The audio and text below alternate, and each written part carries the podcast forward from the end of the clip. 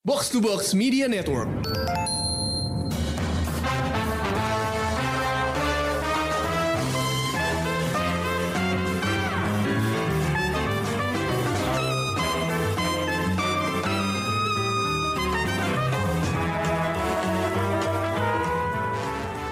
Halo pendengar Showbox, balik lagi bareng gue Amy di sebuah episode khusus yang membahas film dari masa lampau.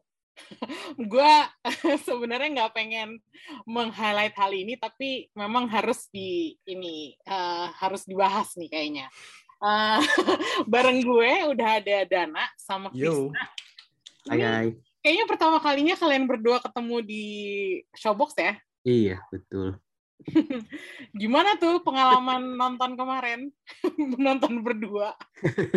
Cukup mengejutkan sih buat Itu Oke, em, kita bakal ngebahas sebuah film dari tahun 2021 yang baru mau main di Indonesia di bioskop.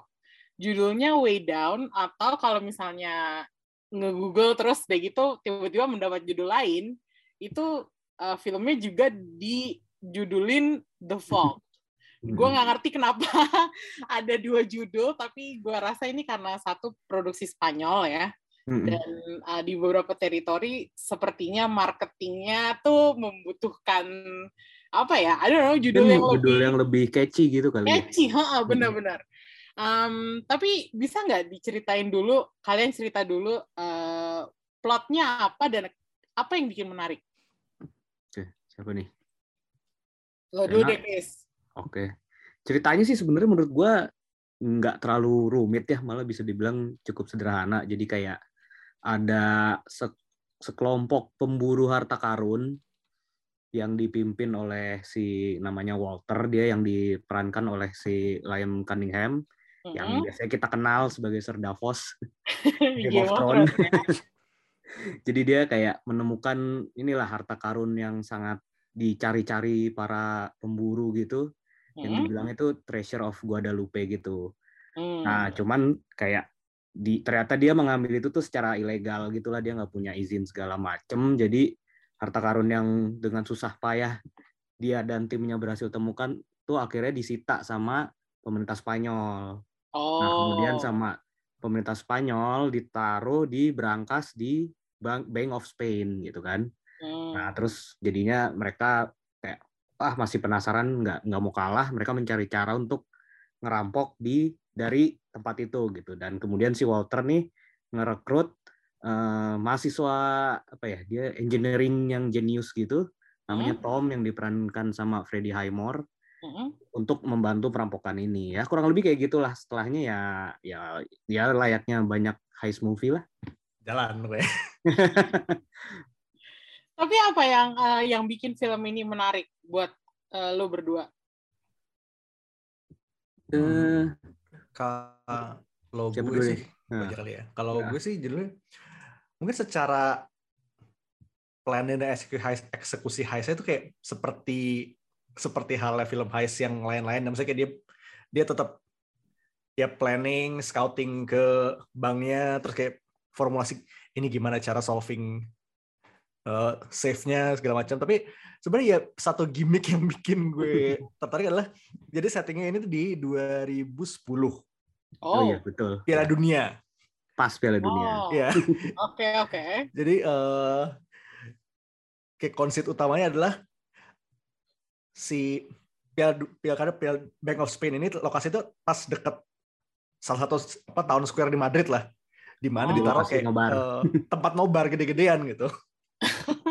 Jadi ketika ketika eh, tim Spanyol main bola itu kayak penuh kan eh, security jadi distracted kan gitu. Hmm. Jadi kayak mereka menggantungkan diri sama eh, Spanyol bisa ke final dan menang Piala Dunia basically. Oh, Oke. gantung sama hasil pertandingan bola eh Eh, Tapi banyak nggak porsi bolanya di film ini? lumayan ya beberapa kali kayak beberapa tiga- kali pokoknya dari quarter final sampai final gitu kayak. Tapi Iya. walaupun emang kayak mereka pakai actual footage Piala Dunia juga gitu. kayaknya iya Hmm. iya pakai Heeh. Oh, Jadi berarti kayak gol-golnya ada gitu. terasa dramatis juga pertandingannya jadinya ikut terasa gitu Oh, 2010 tuh Spanyol ya? Yang menang Spanyol juara dunia. Eh, Piala Dunia South Africa tuh. Hmm. Ah, oke oke. I Gue udah lupa. Jujur aja. Kalau buat lu, Chris, apa yang bikin film ini Eh, beda Pertama yang bikin gua penasaran jadi pengen nonton pertama. Karena di film lumayan under the radar sebenarnya ya. Ah, banyak yang tahu. Terus dari Spanyol kan. Terus kayak Heist. Wah Heist lagi nih. Kan sebelumnya sukses dengan serial TV-nya Money Heist gitu kan. Oh iya iya. penasaran. Jadi kayak kayak gimana nih ketika filmmakernya berusaha bikin film dengan tema yang sama gitu. Apakah bakal sesukses Money Heist gitu atau enggak gitu. jadi lumayan bi- bikin penasaran sih. Terus ya gue juga eh, lumayan nggak terlalu banyak nonton film Spanyol ya walaupun mungkin belakangan dengan dengan banyaknya OTT aksesnya jadi lebih gampang gitu ya Hmm. tapi ya ya mungkin film Spanyol yang untuk di bioskop kan jarang banget ya mungkin yang sebelumnya pernah gue tonton ya justru dari sutradara yang sama nih dia kan yang bikin Rek juga si Jaume Balaguero Oh, gitu. Rek juga. iya dia bikin yang bikin Rek jadi Oh. awalnya bikin penasaran itu juga sih terutama terus sama ya kayaknya nih Bang Bank of Spain nih kayaknya harus sedikit introspeksi diri kali ya kayak diserampok mulu ternyata ya ini sih secara mengejutkan filmnya seru sih menurut gua. Kayak apa ya? Dia punya semua hal yang dibutuhkan film heist untuk jadi seru gitu loh. Oh, Kayak oke. perencanaan yang fun, terus kayak eh, eksekusi yang menegangkan, terus ada kayak apa ya? Banyak kejutan-kejutan dan konklu apa dan solusi yang tak terduga gitu pas pas apa ya? So, apa solusi masalah yang tak terduga pas pas eksekusi gitu. Menurut gue Oh, seru sih. Oke. Tapi gini nih, ini kan film sebenarnya udah agak lama ya. Maksudnya bukan lama dalam arti eh, jadul banget, cuman eh, Telat tidak aja bisa- gitu. tidak bisa disangka bahwa ini film 2021 dan sudah main di beberapa negara lain. Iya. Bahkan tadi gue ngecek sempet masuk Netflix juga, tapi bukan bukan uh, area kita, Indonesia. bukan Netflix kita gitu. Tapi jadi apa yang bikin film ini layak buat ditonton di bioskop? Kalau menurut lo berdua? Hmm, menurut gue produksinya lumayan oke ya. Kayak dari settingnya, dari actionnya segala macam tuh lumayan produksinya lumayan oke. Jadi ketika dan dan ketegangannya tuh walaupun apa ya mungkin sederhana dan banyak yang klise gitu ya untuk untuk sebuah film heist, tapi ke- ketegangannya tuh tetap tetap efektif gitu dan itu kayaknya jauh lebih berasa ketika kita nontonnya di layar gede sih. Oh. gue. Jadi worth it nih buat kita ngeluarin duit untuk nonton di bioskop.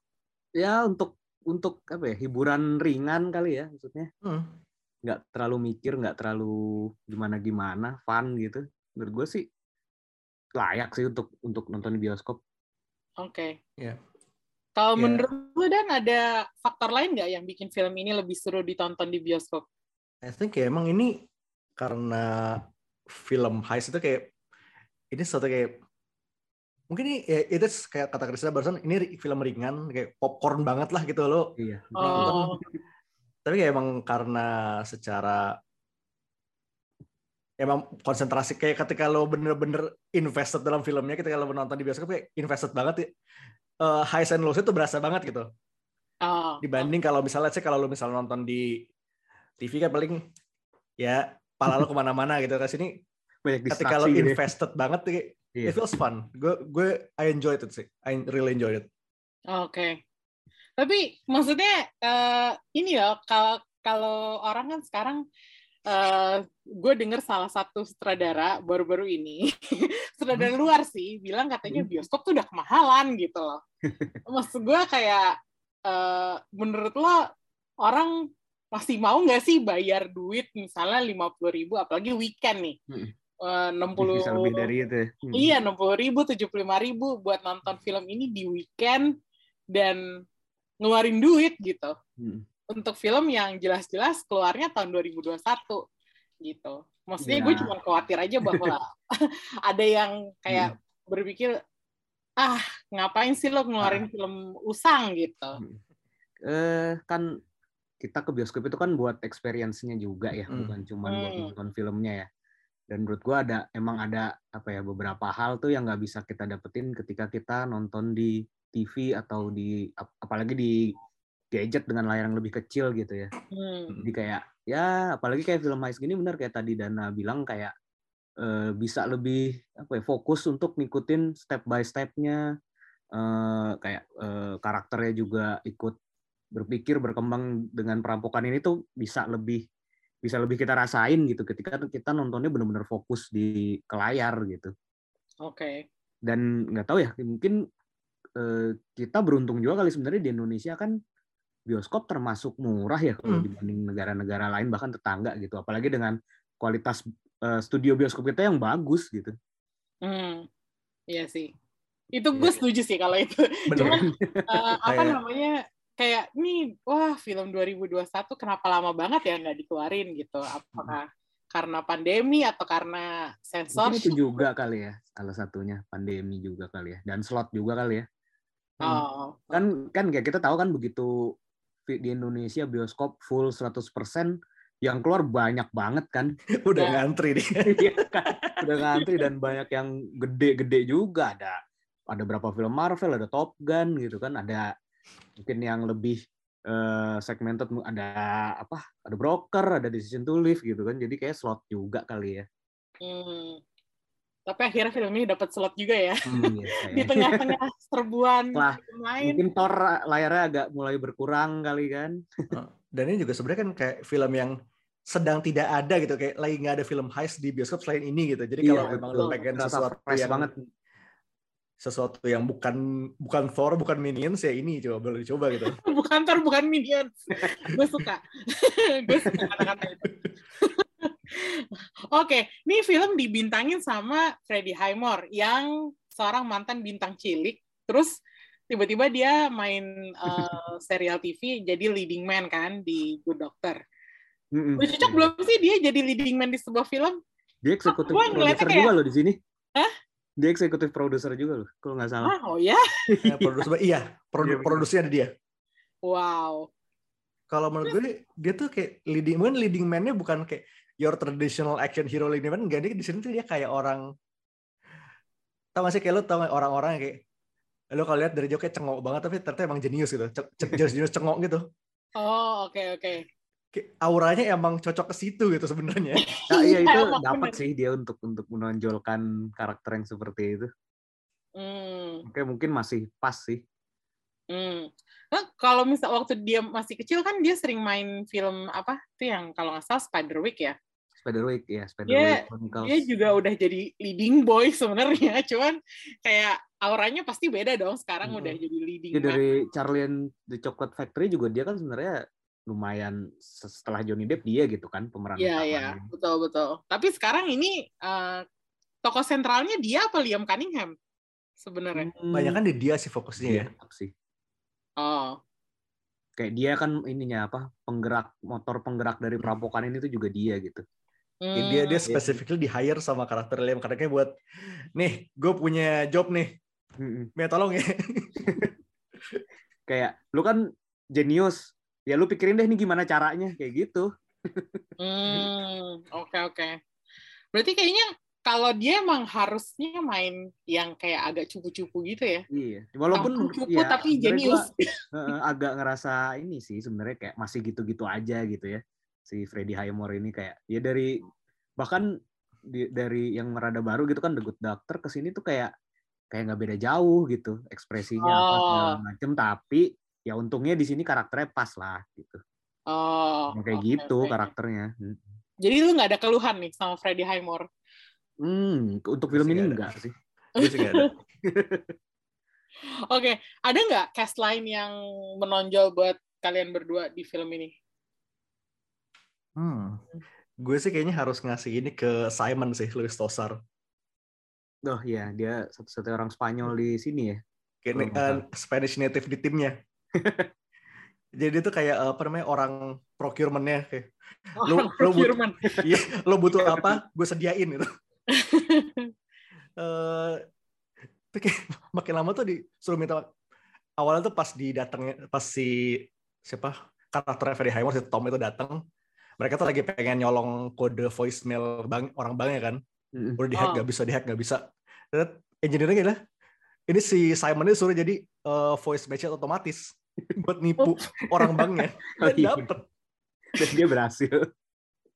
terus kayak mungkin secara emosional juga ada gitu karena dia dia tuh dengerin dengerin apa pertandingan bola tuh pakai radio lama gitu terus kayak Oh. dia coba cerita eh bapak gue tuh dulu pengen banget eh, ngelihat Spanyol juara Piala Dunia tapi nggak kesampaian sampai meninggal Kayak, kalau misalnya gue dengerin Spanyol juara pakai radio ini mungkin dia dia juga bisa ikutan denger gitu Karena itu radionya radio peninggalan bokapnya Oh. gitu kan. Oke. Yang paling ada emosinya kali ya. Hmm, iya Mm. Sama ini juga sih ya sama memberikan apa ya komedi sedikit juga sih. iya dia juga Iya kan? Banyol juga Hmm. Kalau lu. Chris Iya, ada setuju sih si si si Simonnya ini yang di si Luis Tosar ini oh kayak yang paling sama jagoan lo juga.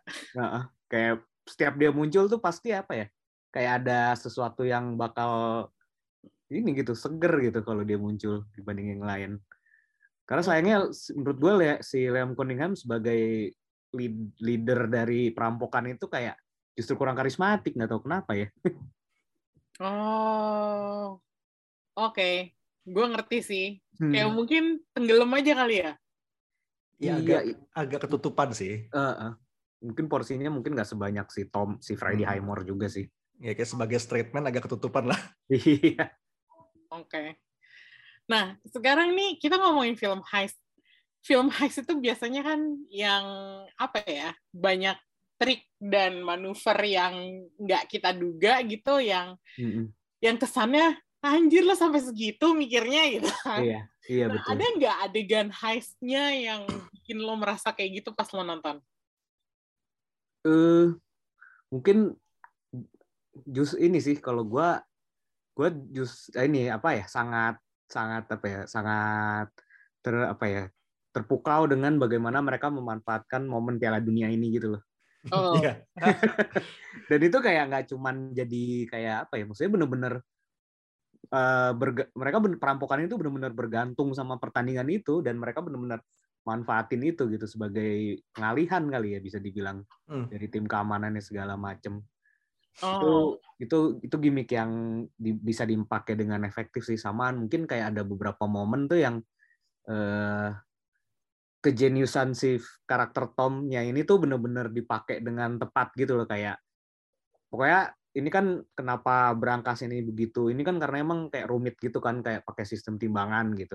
Terus hmm. kayak ketika dia tiba-tiba eh, punya ide untuk ngebekuin si timbangan itu buat ngakalin gitu itu kayak eh ini spoiler ya Mana ngide Eh. mana ngidenya sambil clubbing lagi. iya tapi itu kayak kayak keren aja sih dia mendapat itu terus justru dia bilang justru ternyata caranya sangat sederhana gitu Hmm, oke. Jadi berarti bisa dibilang eh, nggak apa ya? Maksudnya lo percaya bahwa itu bisa dilakukan gitu iya dengan betul piala dunianya, terus udah gitu dengan kejeniusannya si Tom gitu. Hmm. iya Hmm. Kalau Kalau lo dan ada nggak adegan yang bikin lo hah! gitu? Kayaknya highlight gue sih dia pas di apa operation scouting pertama itu sih yang dia mereka tuh jadi eh, si Vault ini tuh punya kayak butuh dua kunci plus eh sidik jari si head of security-nya. Oh, Jadi kayak mereka masuk kayak oke ini kayak head of security kayak di sidik jarinya tuh diambil dari apa kopi. Gelas kopi. gelas kopi itu kayak di, disuruh si jadi si Lorraine si Ast- Astrid Burgess Frisbee ini masuk kayak sebagai quote unquote art examiner gitulah. Oke. dikasih tour sama si head of security-nya kayak nggak tolong pegangin dulu dong kopinya kayak dapet sidik jari. Terus yang pas jadi dia tuh masuk duplikatin kunci-kunci kunci bakasnya dengan gimmick kayak, oh ini mau eksamen kisan apa lukisan gitu asli apa enggak gitu basicnya.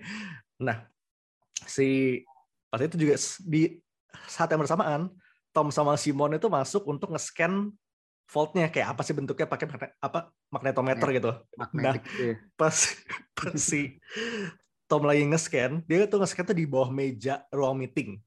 Pas scannya jalan ada meeting. Rame lah. terjebak terjebak di bawah meja itu kayak sampai scannya kelar. Dan pas Oh, scannya wow. kelar dia tuh kayak ternyata pas dicabut scannernya nyalain alarm fire alarm Oh, wow. Jadi bubar chaos. deh meetingnya. Oh, chaos dan sementara itu Lore itu belum selesai 3D nge-scan kuncinya buat diduplikat.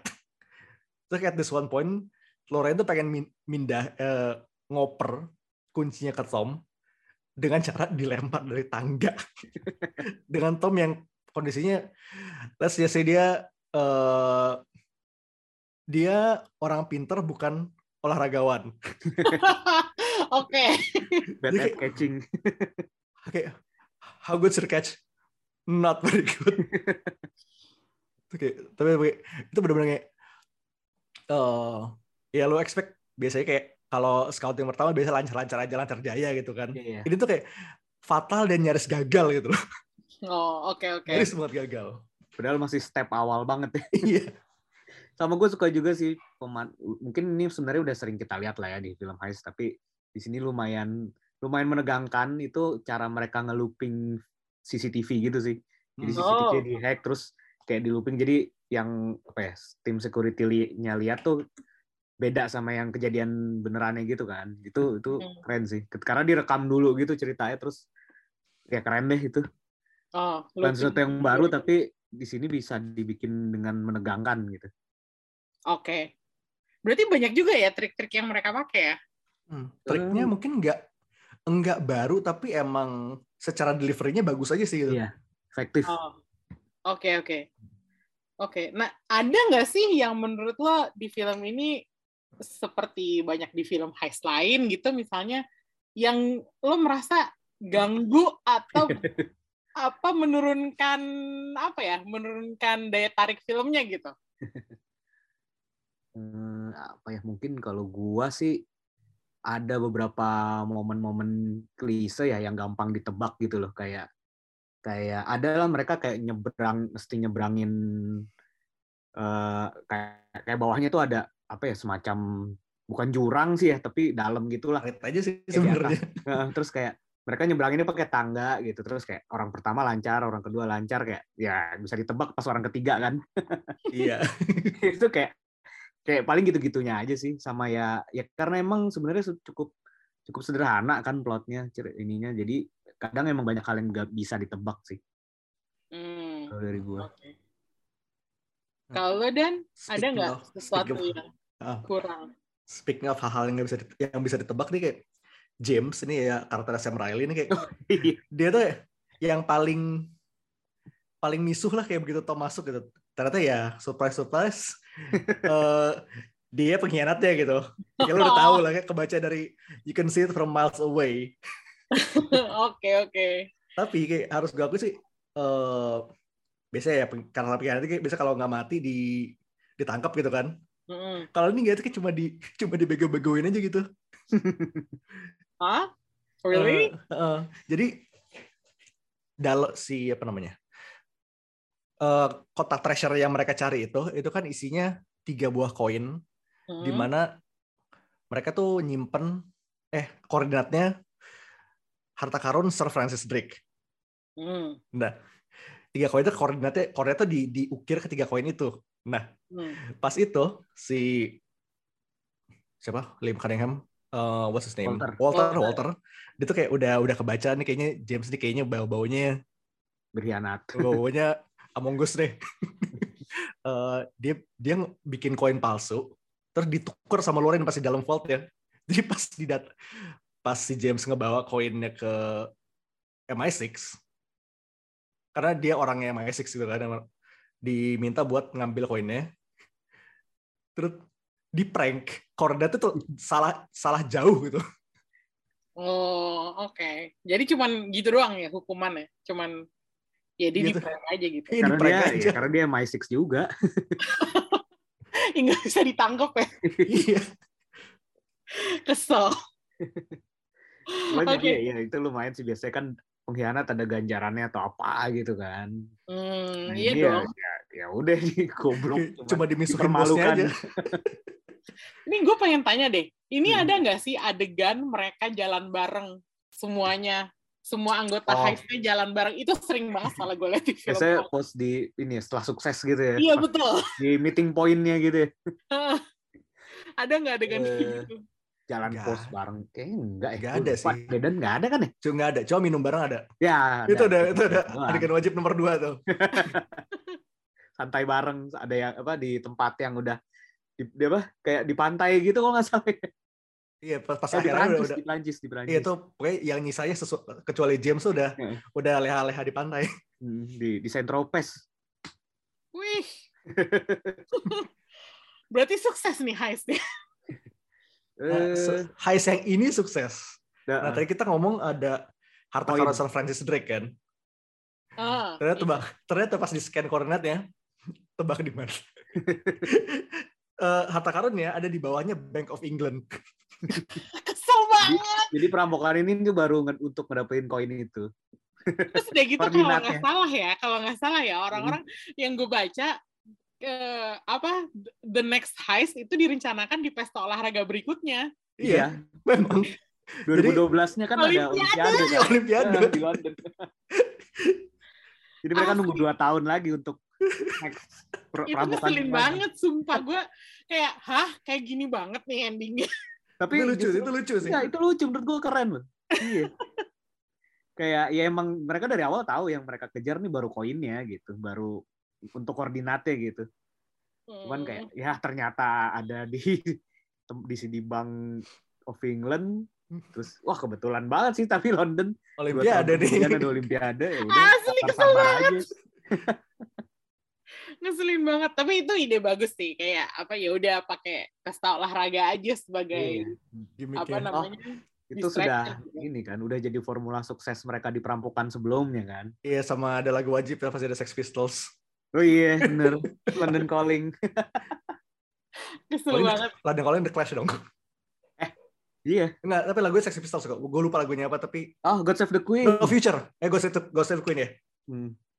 Oh iya, Eh, bukan ini ya, bukan gue lupa bukan The Clash ya. Enggak, enggak. Itu Sex Pistols. Definitely Oke, Sex. Pistols. ini lagu Ya. apa ya kita ngomongin lagu apa ya Ya kan kan setting London kan biasanya ya itu kan. oh Band lagu buat London Iya.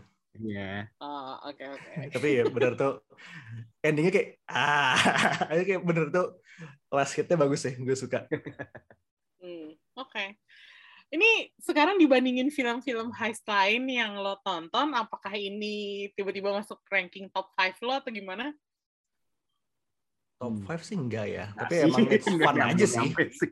menyenangkan aja Iya. oh cuma sekedar fun doang berarti Iya, nggak fun masuk aja. ranking Tapi kalau sampai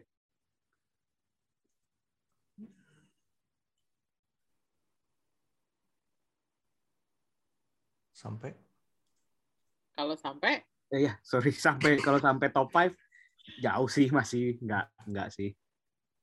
oh oke Hmm. Nah, sekarang lu ada nggak sih rekomendasi film heist favorit lo yang yang pengen Hmm. aja lo rekomendasiin gitu? Setelah nonton film ini lo apa bisa nonton film apa lagi gitu? Hmm. hmm, ya? gue sih kayak kalau ngomong-ngomong heist movie dan perampokan sih salah satu top gue adalah Baby Driver sih Oh, Baby Driver. I am uh, known Edgar Wright fanboy, jadi Baby Driver, walaupun emang filmnya sudah sedikit tainted dengan satu cast member yang you know what.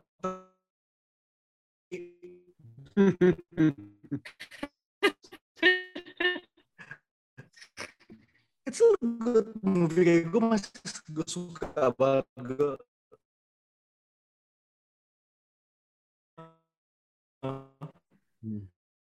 Kalau gue highest favorit gue sih masih punya agendanya masing bener-bener susah ditebak ke mana arahnya gitu. Iya gak sih? Lu Iya, ya kan kalau pernah nonton kayak setiap karakter punya punya latar belakang beda-beda, terus emang mereka spesialis perampokan semua, teh terus kayak pas ngumpul tuh kayak ini pada mau apa ke mana ini ya mereka ya di banyak kejutannya sih itu gue suka. Hmm, oke. Mm-mm. Itu juga gue lupa lupa inget ya sama The Thieves. Mm-mm. Tapi tapi kalau lo mau merekomendasikan itu, gue sih pasti nonton. Mm. kalau misalnya ada Tuh. di OTT gitu, Ada The Thieves ada di Netflix kalau nggak salah. oh ya? Mm, bar- belum lama sih kayaknya. Gue soalnya pernah sempet nonton lagi gitu. Hmm. Karena udah Oke, lama terus belum pernah nonton nih. lagi terus pas ada di OTT, wah ada the tips nih. Hmm, oke oke.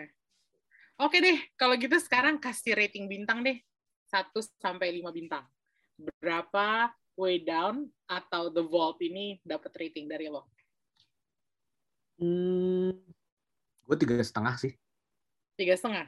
Iya, Wah, tiga setengah dari lima ya. Itu lumayan tinggi loh buat ukuran lo, Chris.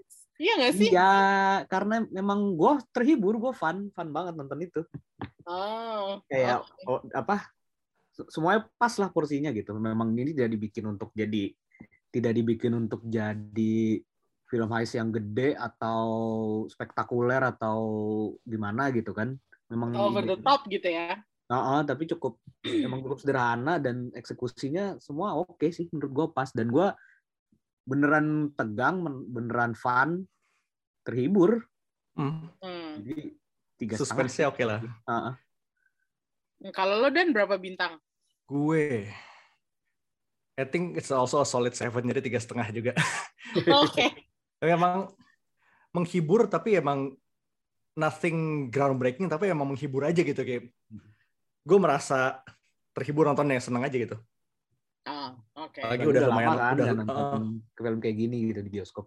Hmm, Oke oke. Berarti tiga setengah nih ya? Itu lumayan bagus loh emang emang oke kok. untuk film eh, film lama tanda Film lama. kutip. untuk dapat tiga setengah dan di endorse oleh Showbox ya. gue rasa itu untuk jadi alasan buat nonton ke bioskop boleh juga sih. Maksudnya Hmm. ya oke lah, mungkin emang agak lama eh, keluarnya, tapi akhirnya keluar juga dan bisa menghibur gitu. Jadi I think uh, there should be no reason for you to not watch this on Mhm. the cinema gitu. Iya nggak sih? Setuju setuju. Oke. Eh, ada lagi yang, ada lagi yang mau disampaikan guys? Eh, oh mungkin satu lagi sih eh, keunikan film ini menurut gue Hmm? di karakter si Freddie Highmore itu si Tom. Jadi Hmm. apa ya dia itu direkrut kan biasanya kalau kalau film heist kayak gini kan merekrut orang-orang yang memang punya spesialisasi masing-masing gitu kan di perampokan Ya. kan. Si Tom ini nggak punya background kriminal sama sekali gitu loh, nggak punya perampokan modal dia cuma jenius aja. Oh. orang, orang orang engineering dia. Iya orang engineering. Kayak- Uh, Tahu. Dan kar- dan si karakter Walter tahu banget soal itu jadi ya kayak tadi Dana bilang cuman ini kita mau ngerampok enaknya gimana nih gitu. briefnya itu doang. Isi saya suruh cari sendiri. Dia suruh mikir dengan kejeniusannya. Itu menurut gue yang paling mungkin yang itu yang paling cukup terasa beda kali dari film Hmm. heist lainnya. Oke, berarti benar-benar harus ditonton ya. Jadi nggak nggak ada alasan buat lo nggak nonton. udah tahu ini dibintangin sama Freddie Highmore, mantan bintang cilik yang sekarang udah dewasa banget dan cukup keren kalau menurut gue. Jadi ya udah nonton aja di bioskop. Oke, kayaknya segitu aja review kita hari ini. Eh, see you eh, di review-review berikutnya yang gue udah siapin banyak banget film buat bahas bareng sama teman-teman gue. Uh, see you at another episode. Bye bye. Bye. Yo, bye bye.